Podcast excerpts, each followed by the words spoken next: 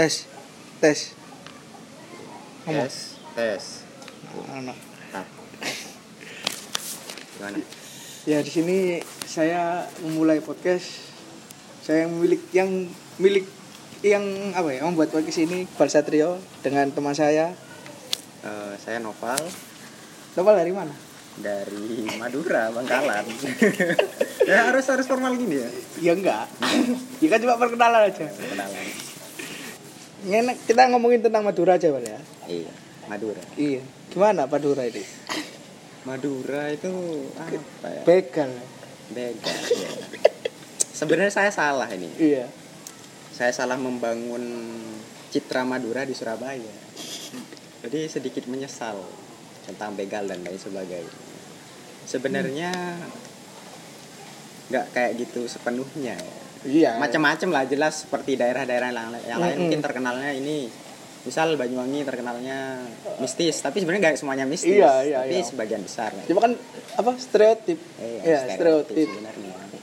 Begal. Sebenarnya kan tapi gini, aku kemarin itu kalau ini bicara begal di Madura iya dan pandanganku sebagai orang awam, Mm-mm. orang awam yang belajar di Surabaya. Yang berpendidikan lah, yang menempuh ilmu lah. Mm. Nah, itu aku akhir akhir ini tuh tertarik tentang sesuatu yang bertolak belakang dari kebaikan. Misalnya kayak begal tuh. Mm. Itu kan bertolak belakang dari Hmm. kebaikan tuh. Nah, aku tuh yakin kalau mereka punya alasan tersendiri, ya meskipun caranya berbeda. Jadi misalnya kebutuhan ekonomi. Sebenarnya udah banyak yang Iya, tahu iya, ya, kebutuhan ekonomi. ekonomi. Terus, cenderung juga kadang orang-orang anak-anak muda Hmm. yang melakukan tindakan itu tingkat pendidikan pengaruh nggak sih iya kan pastinya pengaruh jelas kalau menurutku Hmm. sebagai orang yang apa ya, menganggap pendidikan itu penting penting itu pengaruh jelas Karena kan Hmm. kalau di pendidikan itu kan dia diajarkan tentang karakter bagaimana menjadi orang yang berbeda meskipun kalau aku pribadi sebenarnya ada beberapa hal yang eh, setelah menjalani pendidikan lebih tinggi Hmm. ada beberapa hal yang ada yang mengganjal dari sistem pendidikan kita sebenarnya kayak gitu. Tapi kalau untuk budaya yang dibilang orang itu buruk merugikan orang lain seperti begal Iya. tingkat pendidikan pasti Tapi budaya bukan bukan ya budaya jatuhnya kalau dilakukan terus menerus budaya Budaya. budaya gak sih iya Bisa budaya dibilang begal. budaya. tapi budaya yang buruk kan gitu Hmm. Ini kalau menurutku sih dari kacamata orang Surabaya sendiri ya menurut pasti orang Surabaya juga Pak, kebanyakan eh, menstereotipkan bahwa begal itu rata-rata orang Madura. Jadi kayak misalnya eh, nggak begal aja sih terus sama curanmor juga orang rata-rata kalau sepadamu hilang itu langsung langsung aja stop di Suramadu takutnya nanti langsung dibawa ke Madura gitu. Kan banyak banyak kebanyakan kan seperti itu. Jadi orang-orang Madura juga eh, apa ya yang eh, tanda kutip menjadi eh, pembegal itu saya menurut saya itu apa ya kayak tingkat pendidikannya itu masih rendah. Kan kadang dia butuh sekolah kan kayak Ya, gitu. Jadi sulit untuk mencari pekerjaan yang yang apa yang enak gitu kalau kalau aku ngelihat ya Hmm. kalau saya sama sebenarnya sama kota-kotanya pasti setiap wilayah itu punya kayak geng-gengnya masing-masing Iya. gitu loh. kelompok-kelompoknya masing-masing bahkan di satu desa itu ada beberapa kelompok gitu di Hmm. desa itu nah sama kayak begal-begal itu nah di Madura khususnya di Bangkalan Iya. itu juga ada juga stereotip untuk desa-desa tertentu yang itu dianggap desa yang mencetak begal gitu, mencetak orang-orang begal. Jadi lebih kecil lagi kalau orang Surabaya mikirnya apa gua- kalau Madura universal secara universal iya, eh, ha, ha. lebih mikir lagi kalau ada yang lebih mikro ah, ada yang lebih mikro lagi. Jadi orang Madura juga siapa sih yang mau jadi begal? Siapa Iya. sih yang mau dibegal meskipun itu orang Madura langsung? nggak menjamin juga kan orang Madura, dia tidak dibegal. nggak menjamin juga. pokoknya ada kesempatan gitu ada kesempatan si pelaku butuh uang orang Madura ya sikat aja gitu. meskipun eh, apa ya bisa bilang sama-sama saudara. gitu. meskipun sama-sama saudara bahkan sering kan terjadi Hmm. itu begal di desa ini membegal begal di desa lain jadi Oh. itu sesama begal saling bentrok itu Jadi kayak anu ya kartel narkoba di Meksiko. iya jadi kayak dia begal membegal si begal gitu. tapi wilayahnya berbeda sebenarnya nah itu kebetulan tuh- wilayah mm. itu dimasuki Eh, maksudnya kalau begal-begal itu ada wilayah-wilayah tersendiri nggak sih? Maksudnya dari kelompok ini di wilayah ini, dari kelompok ini di wilayah satunya gitu. Ada nggak sih kayak gitu? Sepertinya ada, tapi itu kayak ya nggak kesepakatan mutlak dan tertulis juga Hmm. sih. Tapi em, kayak udah mengalir aja lah gitu. Kayak kalau misal nanti sebenarnya yang ber kalau biasanya kalau mulai bertransaksi itu Iya. menentukan wilayah-wilayah itu kalau udah ter- kejadian. Jadi misal Hmm. kejadian di wilayah ini, Oh, iya, iya. yang yang kena anak buahnya si begal yang ini, Iya. akhirnya buat perjanjian. Kalau di sini udah wilayahku gitu. Oh, jangan lagi masuk ke sini. Ah, lagi. Kan kadang juga dua kelompok begal yang berbeda ada di satu wilayah yang sama. Jadi sebenarnya macam-macam. Dan kalau ditarik lagi kan misal desa Labeng. Iya. desa Labeng ini nggak terkenal orang begal, tapi ada desa Oh iya ya, yang ini distereotip. anu ya, Nopal ini dari Desa Labeng.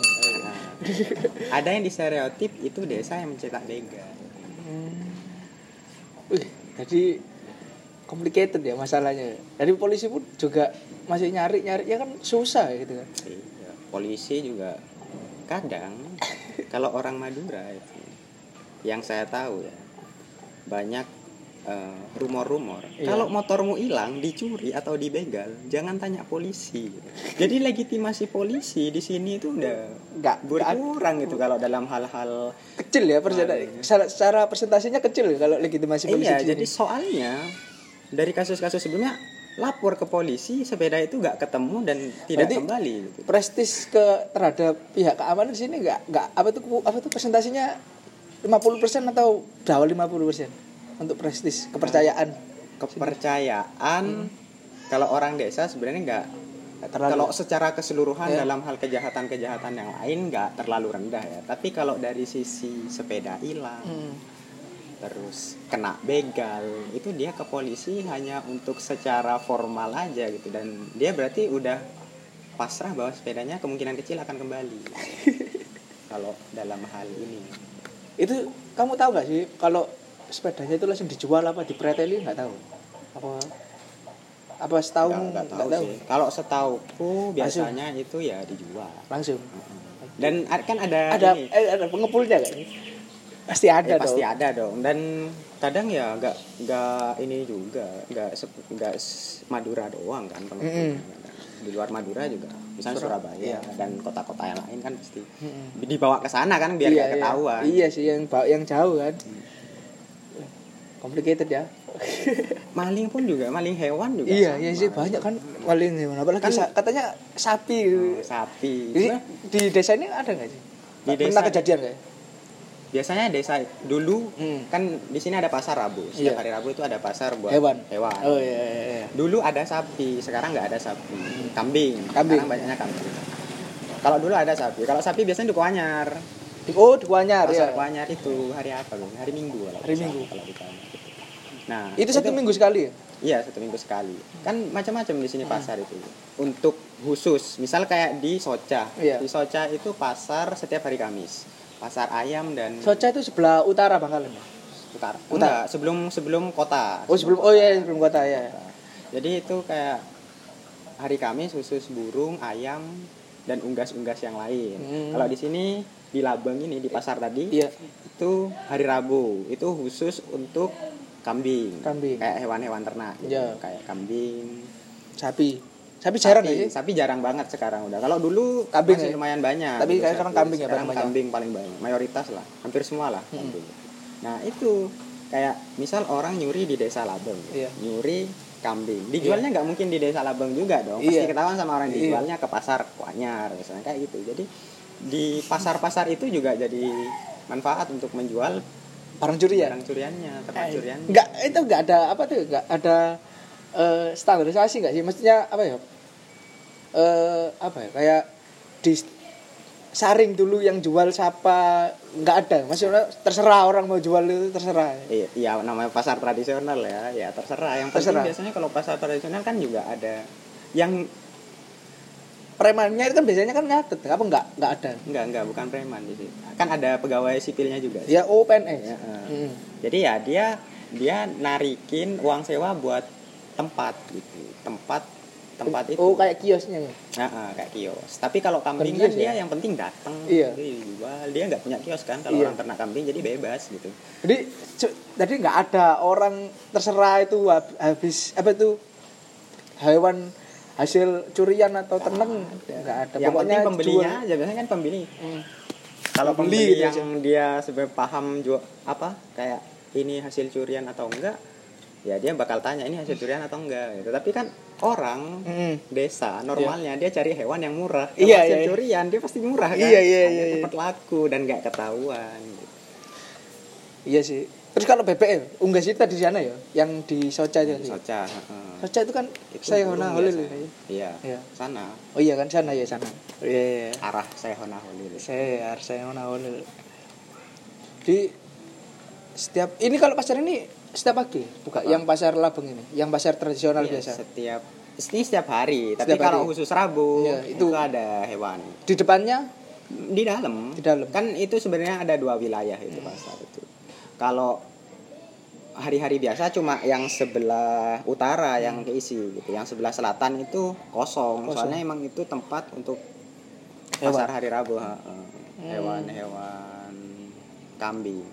Ya kambing lah mayoritas kambing. Kelinci gitu. Kelinci. Ha, hari Rabu. Anjing. Anjing nggak juga kan anjing itu hal yang tabu ya di sini. Tabu di sangat tabu. Sangat tabu. Ada anjing udah. Itu babi juga gak sih? Aduh apalagi babi anjing aja ya kan mungkin ada yang jual babi kan? Enggak enggak enggak ada. Ada anjing. Kan lucu loh. Iya lucu. Coba aja mungkin. Digorok Oh, mungkin. Iya. jadi udah udah ogah banget tuh orang Madura. Ya nggak tahu secara agama ya. Iya iya. Atau secara Iya kan, dikenal. kultur aja mungkin. Enggak diken- orang Madura kan dikenal anu tuh Islamnya Islam yang sangat apa ya mohon maaf ini konservatif ya sih iya iya gak sih Parah. maksudnya Islam yang sangat keras ya sih Iya, soalnya menurutku itu juga tingkat pendidikan masuk juga di sana. Eh, kadang kan sebenarnya kalau bicara agama itu ya kita kan perlu menelaah juga itu kayak hadis bener nggak gitu, itu kayak ayatnya bener nggak itu ayat-ayat ini gitu Hmm. juga. Kalau orang yang tingkat pendidikannya rendah kan ya dikatakan orang yang dianggap dia pintar, misalnya ustadz lah, sekelas ustadz gitu. Ustadz bilang bahwa kalau misal eh, anjing itu dosa, gitu.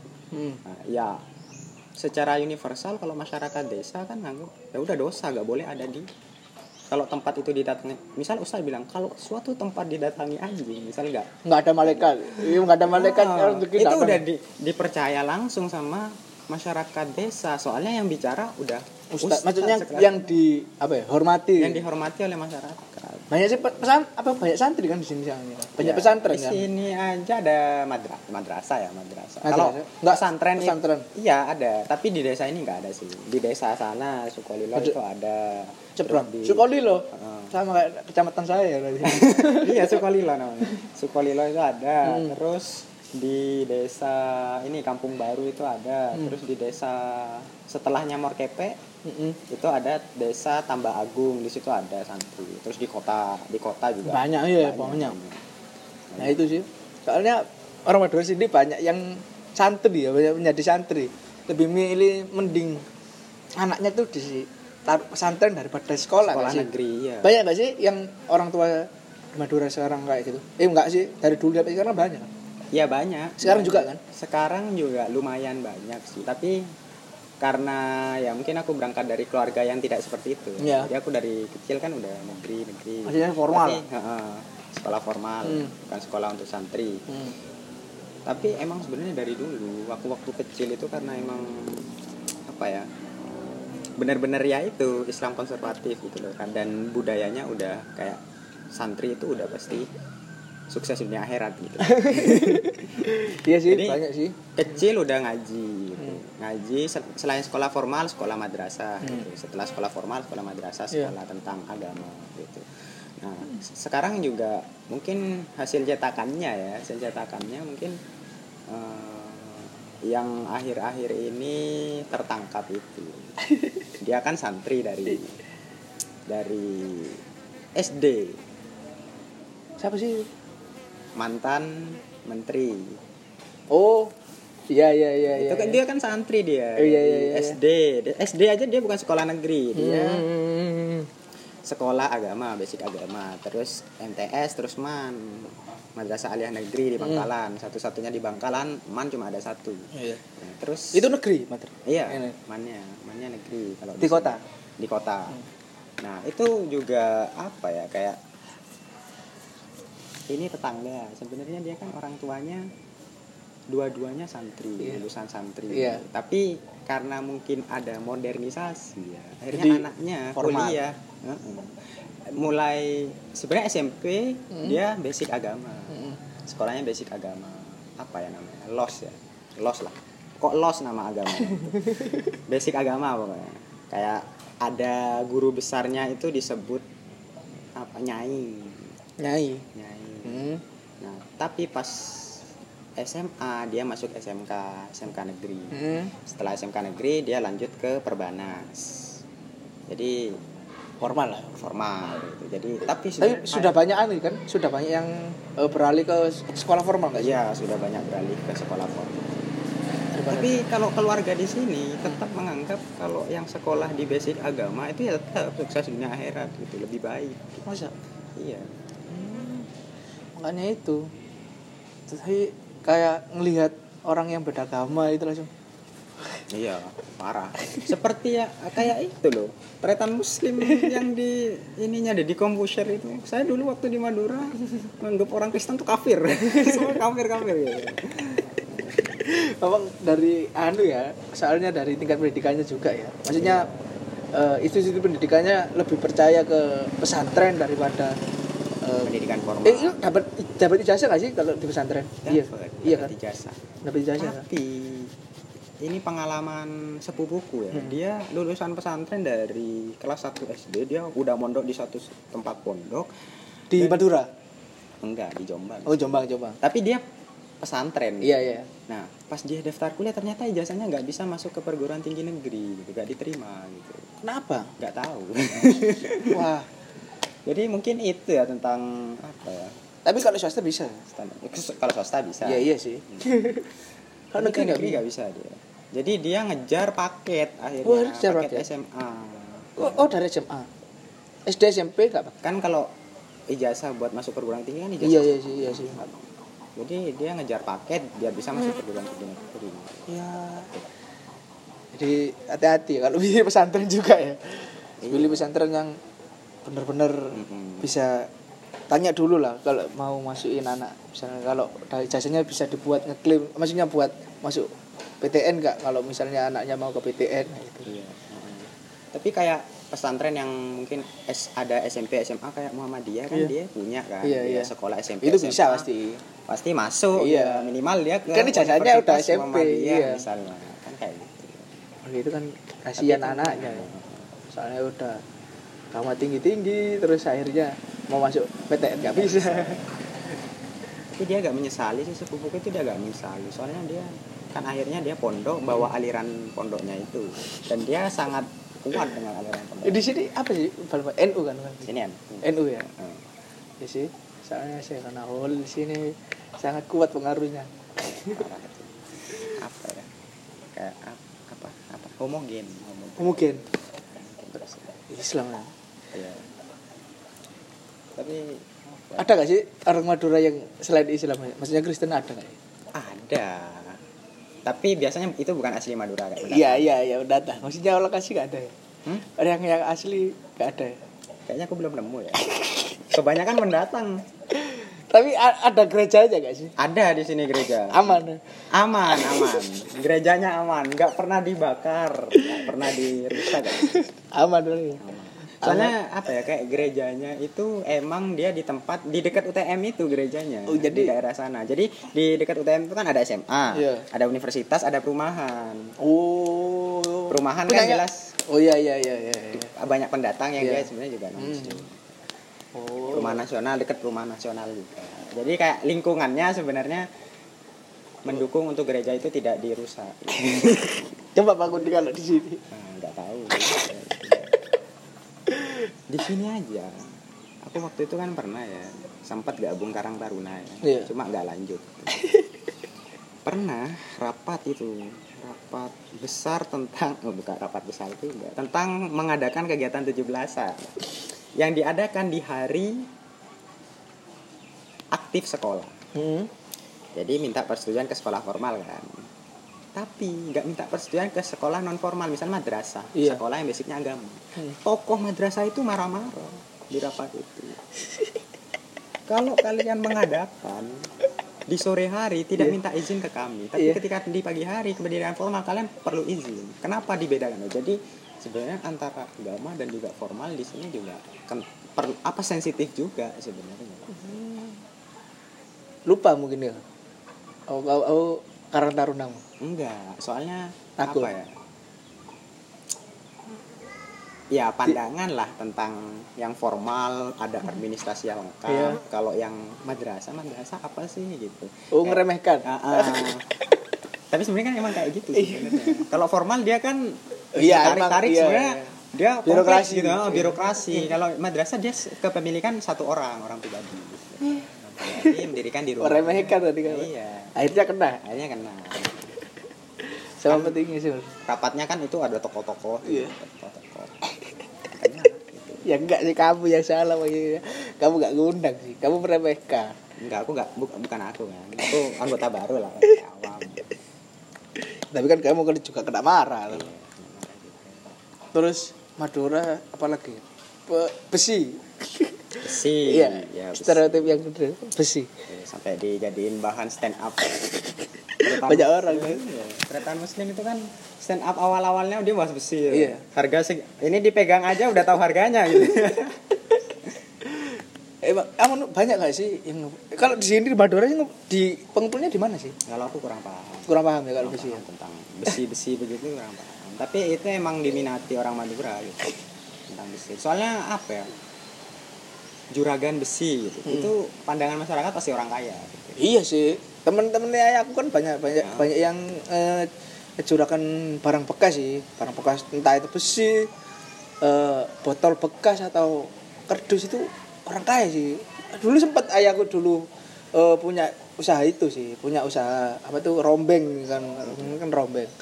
Itu lumayan sih, tapi akhirnya ya tambah hari tambah sini harganya malah nurun, wis, mending tutup aja. Harganya harganya nggak nentu ya. Dari nggak tahu kayak kurs dolar gitu. Dari atasan monopoli. Kayak VOC tapi isu-isu tentang yang nyuri besi Suramadu itu bener gak sih menurutnya Nyuri besi Suramadu. Kayaknya ih. Iya. apa tuh apa tuh baut murnya itu hilang Dicuri orang Madura. Justru sebenarnya karena stereotip itu. Tapi kalau ada fakta yang benar-benar itu nyata, pelakunya tertangkap, ya mau gimana lagi gitu kan. Tapi Iya. sebenarnya stereotip kan mempengaruhi pandangan ya pandangan seseorang karena Madura terkenal dengan orang yang gila besi misalnya. mur di Suramadu hilang orang Madura kan ya itu sebenarnya juga kan pembahasan kita juga Tapi kalau- kalau hilang kalau baut hilang kan otomatis anu tuh pasti konstruksi jembatannya kan akan rubuh tuh Iya. tapi kan nggak rubuh. Iya. gimana orang-orang gitu tapi ya, pernah lihat nggak sih Surabaya kayak seperti gimana kan belum bener belum pernah tuh. iya. Belum pernah. Tapi mungkin kalau satu mungkin nggak ngaruh ya. Tapi tetap ngaruh juga kan? Ngaruh. Satu umur Ngaruh. untuk sebuah jembatan yang mem, mena- apa men- memberikan tempat manusia lewat. Iya. Bukan manusia aja sih ya mobil Ya, kan iya. barang kayak Heeh. truk bis kan barang yang apa tuh benda yang berat tuh lebih dari satu ton lebih yang tidak bisa dientengkan meskipun satu Maksud murnya kan gimana cara bawanya Cara gitu. bukanya gitu. Iya, gimana kan? Kalau murnya besar sebesar satu meter lah, hitungannya satu meter. Kamu eh, dilihat aja mur kalau mm, seukuran satu senti itu udah, Ah, udah besar. lumayan berat kan. Udah, mm, bayangkan aja satu meter, gimana coba kalau ngelepasinnya itu loh. iya kan Habis oli satu tank mungkin. Iya. satu tank kalau gitu kan. Kan kok, bisa? Kalau kalau ada kok, kok bisa gitu loh. Kalau ada kok bisa Kuncinya dari mana? Ya, pakai kunci apa gitu kan? kalau kunci Inggris nggak mungkin kan Iya, nggak muat gitu Emang nggak sih apa tuh banyak sih yang minat aduh apa itu besi di sini. Banyak. Katanya sih rel kan masih rel tuh, sisa ada sisa sisa Iya, rel tuh. rel. Itu hilang nggak sih enggak kan? Enggak. Enggak. Enggak, enggak tahu kalau di tempat lain. Kalau yang Iya. aku tahu masih ada sih. Masih Tapi ya enggak tahu kalau sebenarnya rel itu kan bentuknya kan banyak tuh. Iya. Enggak tahu kalau satu-satunya hilang enggak tahu. Soalnya Tapi aku- kalau rel utuhnya masih ada. Rel ada. Rel utuhnya masih. Soalnya aku terakhir lihat itu rel ut rel utuhnya enggak utuh sih ya maksudnya ke pendem apa Tanah. tanah di di agak campur tanah itu eh SMP gak salah.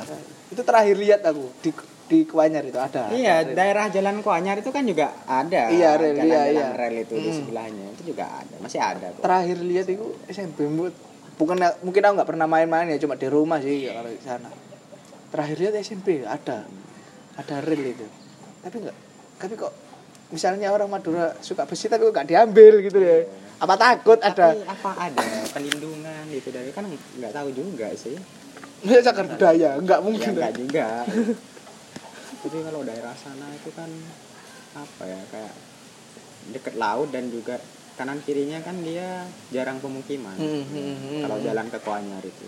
Jadi kanannya kalau dari sini ya kanannya itu kan kalau ke bawah terus dia laut. ya ya Kalau kirinya itu kan dia gak ada apa-apa gitu. Iya. Dan kadang mayat-mayat pembunuhan dan ini kan kadang iya ke iya sana. iya kebun nggak sih kebun kan kayak kebun biasa kan Kebun. orang cari rumput Iya cari rumput buat Iya. hewan ternaknya. Ya karena kan orang-orang itu yang nemu mayat-mayat dan lain sebagainya. Pak, eh, berarti anu nggak sih berarti masih ada carok nggak sih kamu terakhir dengar carok di sini Loh kemarin di Sampang itu yang lagi viral videonya kan ada itu yang sampai Masa? gini-gini. nggak maksudnya tarung Iya tarung ada yang mati kepalanya putus. Tapi eh, ya masalah pemilihan kepala desa itu memang masalah politik sebenarnya yang membawa budaya itu sebenarnya kalau caroknya sendiri itu bukan kayak tawuran kayak satu orang satu satu sampai satu tuh Sat- by one by one, gitu. Ya, one by one untuk masalah pribadi mereka atau mungkin masalah kelompok yang pemimpinnya yang maju gitu. no itu carok dulu kan sebenarnya carok itu kalau aku sekilas baca Hmm. di bukunya buku karyanya siapa itu yang direferensi itu carok gitu Hmm. oh manusia Madura Hmm. kalau yang carok kalau buku yang carok itu sendiri kan dia bahas caroknya Madura sama Sampit. Iya. Tapi kalau yang di buku manusia Madura itu kan kayak menjelaskan secara Menyeluruh, iya. eh, tentang manusia Madura itu seperti apa dan budaya secara mikro dan makro kan tapi nggak terlalu lengkap. Hmm. kan ada lagi itu. Apa? Buku yang lebih tebel lagi yang ada ya? Aku 200.000 lihat nggak sih? Iya ya Ma- Madura Madura. 200.000, ya oh. iya. Ya apa yang kayak bab ya? kayak babat kayak babat tanah Jawa terus, iya, terus iya. itu babat Madura nggak sih itu kan tebel banget Iya. itu 200.000 ribu kan nggak kalau yang direferensi ada kan manusia. Sebenarnya kan carok itu kayak satu Hmm. masalah pribadi kan iya kan? Nah, dan itu sebenarnya juga tradisi gitu Hmm. loh. Kayak tradisi. Tapi sa- sampai mati nggak sih? Apa cuma kalau lawannya nyerah udah? Nggak sampai mati kan lebih baik mati. Oh. Berkalang tara daripada hidup nanggung malu. Kalau udah kalah kan pasti malu dong. Oh kayak itu ya? Apa orang Jepang berarti ya yang lebih men- lebih mendingin mati. Tapi nggak kalau tanah. tapi kalau udah misalnya nyerah gitu terus belum mati Ya. bunuh diri gak sih? Enggak ya ya sampai mati. Harus sampai mati berarti ya? Ya mati berarti dia menang. Anjing. Tapi kan gini kan kalau tradisi itu kan pasti ada ritual-ritualnya Iya. dan itu ada ritualnya cara ya orangnya masing-masing. Biasanya kan kalau orang sebenarnya kalau carok yang yang jadi tradisi itu kan orang dulu. Iya. Orang dulu kan pastinya dia ya percaya gak percaya punya Iya, iya. kanuragan Hmm. punya punya ilmu-ilmu tertentu. Dan aku denger denger cerita kan dongeng Iya. secara ilmiah kan belum juga. Mungkin aku belum tahu kayak kamu nggak pernah lihat langsung nggak ya? Nggak pernah? Nggak, pernah. Mungkin se, se, se video video lah Video. pernah di Bangkalan itu. Tapi nggak carok sebenarnya sebenarnya yang digunakan carok itu kan ketika satu lawan satu itu kan siap gitu loh Iya. itu enggak Itu pencak silat gak sih? Pencak silat gak sih kayak pencak silat Iya, semacam pencak silat. Itu pembacokan udah dianggap carok. Pembacokan orang nggak pegang Oh berarti senjata bisa bisa bisa, bisa berarti eh, dari media juga ngaruh gak sih? Berarti. Media yang mengecap itu carok, Carok, iya, dikit-dikit carok. Pokoknya pakai celurit carok. Oh, orang bawa celurit Mau carok tengkar dianggap carok. Kita sebenarnya enggak. Sebenarnya kan ka- harus ada di, di tempat kosong, Oh, tempat nggak ada oh. orang apa-apa, cuma satu lawan satu. satu lawan satu dengan kondisi sama-sama siap. Hmm. Dan eh, kayak permasalahannya juga permasalahan yang dua orang itu terlibat jelas. Kalau orang nggak tahu apa-apa terus dicarok. Carok. Kayak di Begal juga carok. begal dianggap caro kan kayak gitu orang pembegalan menggunakan celurit deh udah dianggap caro kan akhirnya Budaya yang aslinya eh, maksudnya bagus untuk maksudnya bagus apa ya? Untuk menyelesaikan masalah ya kan.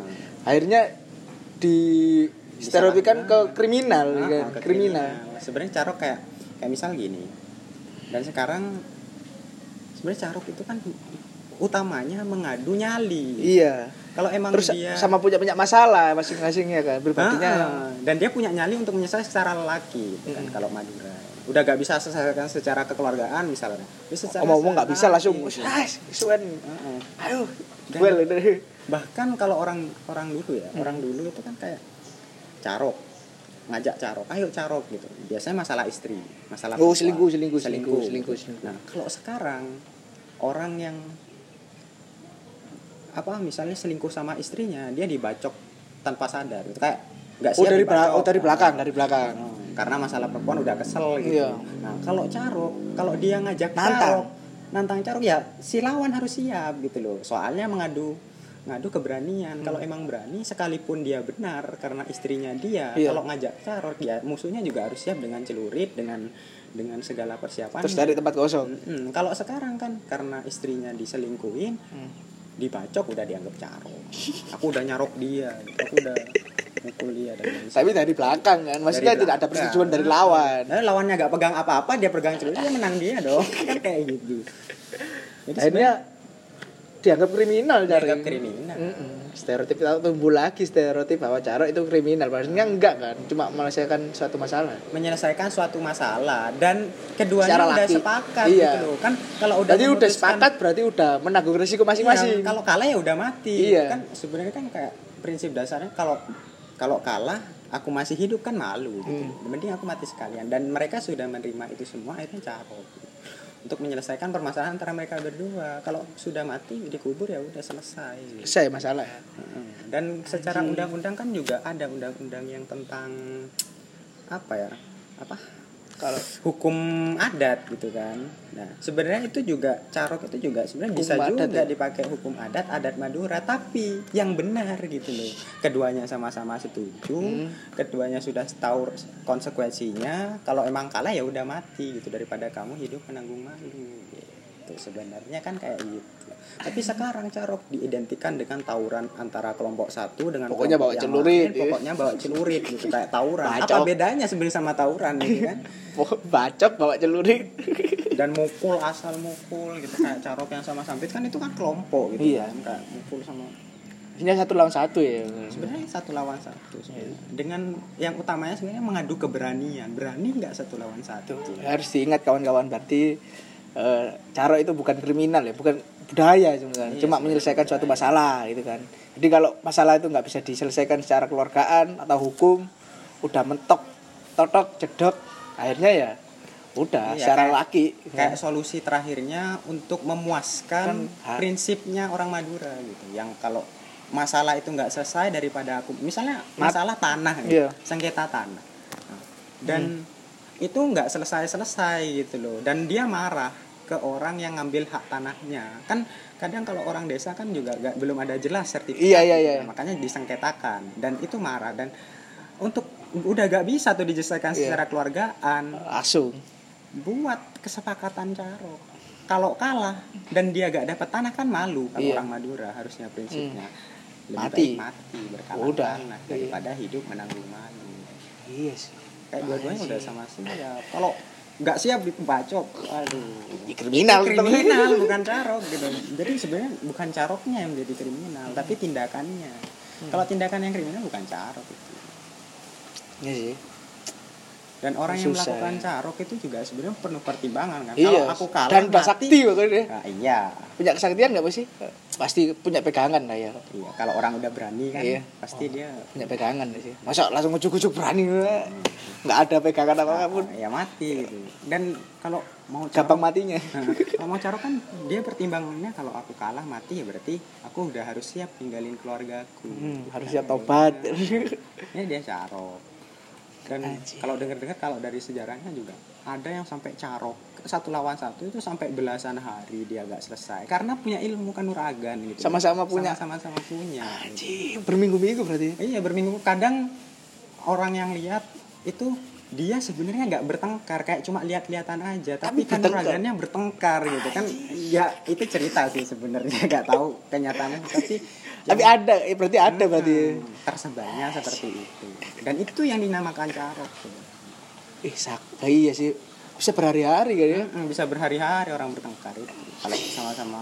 Punya sakti-saktinya. Nah, kalau udah Tingkat kesaktiannya tinggi berarti. kalau orang dulu kayak berpapa gitu Oh, kayak omongan ada hadapan tapi kan uraganya yang Oh, kayak dia sama saling lihat gini sa- sa- sama-sama duduk gini tapi sebenarnya bertengkar gitu. Kanuragannya. Itu- ah gak banyak dibayangin sih. Susah sih itu sih.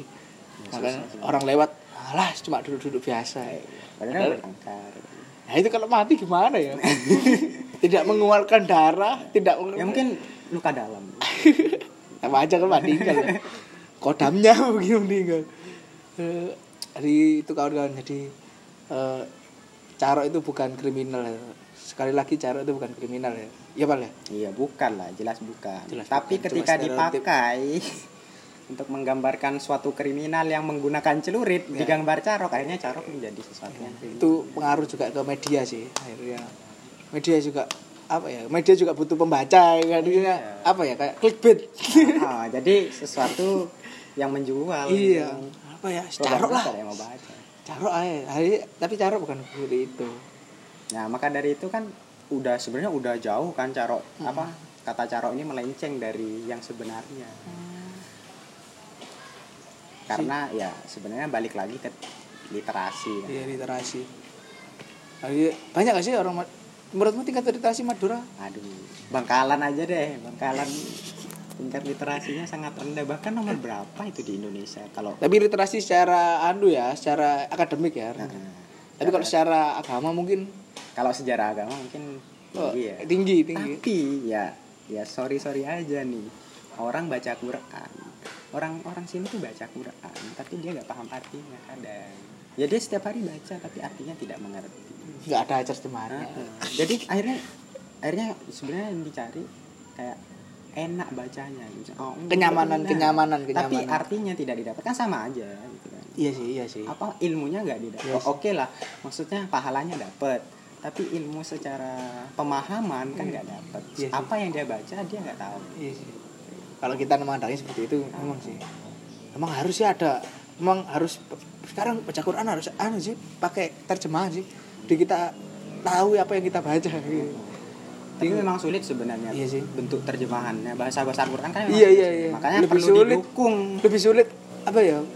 Arti-arti dalam Al- Al-Qur'an loh, daripada buku-buku Iya. akademik eh, kayak apa ya? Dasar vital mungkin Oh, ada apa-apanya. kayak dia kadang nggak nyam kalau kita Iya. bilangnya kan kita bilang Iya. gitu ya dia kadang ini ini ayat Iya. pertama ini ayat kedua ini kayak gak nyambung iya. Satu ayat pun bisa dijelaskan dua folio, mungkin dua Iya. lembar folio. Lebih. Kadang kalau buku-buku dasar kapital yang katanya berat apa Nietzsche itu kan satu ayat itu masih sama ayat lainnya kan masih iya apa ya kalimat-kalimatnya kan masih nyambung tuh maksudnya bisa di apa ya bisa disambungin Iya, bisa tapi kan paham. beda ayat satu ini jelasin ini ayat ini kan jelasin ini akhirnya beda surat nama surat terus isi ayatnya pun rata-rata beda gitu. Dan sebenarnya aku juga akhir-akhir ini kadang bingung ya tentang kebenaran dan pembenaran gitu. wah. Kadang orang menggunakan ayat untuk per- pembenaran. Iya, iya, iya. Mungkin kebenarannya apa legitimasi ya? untuk melegitimasi sih.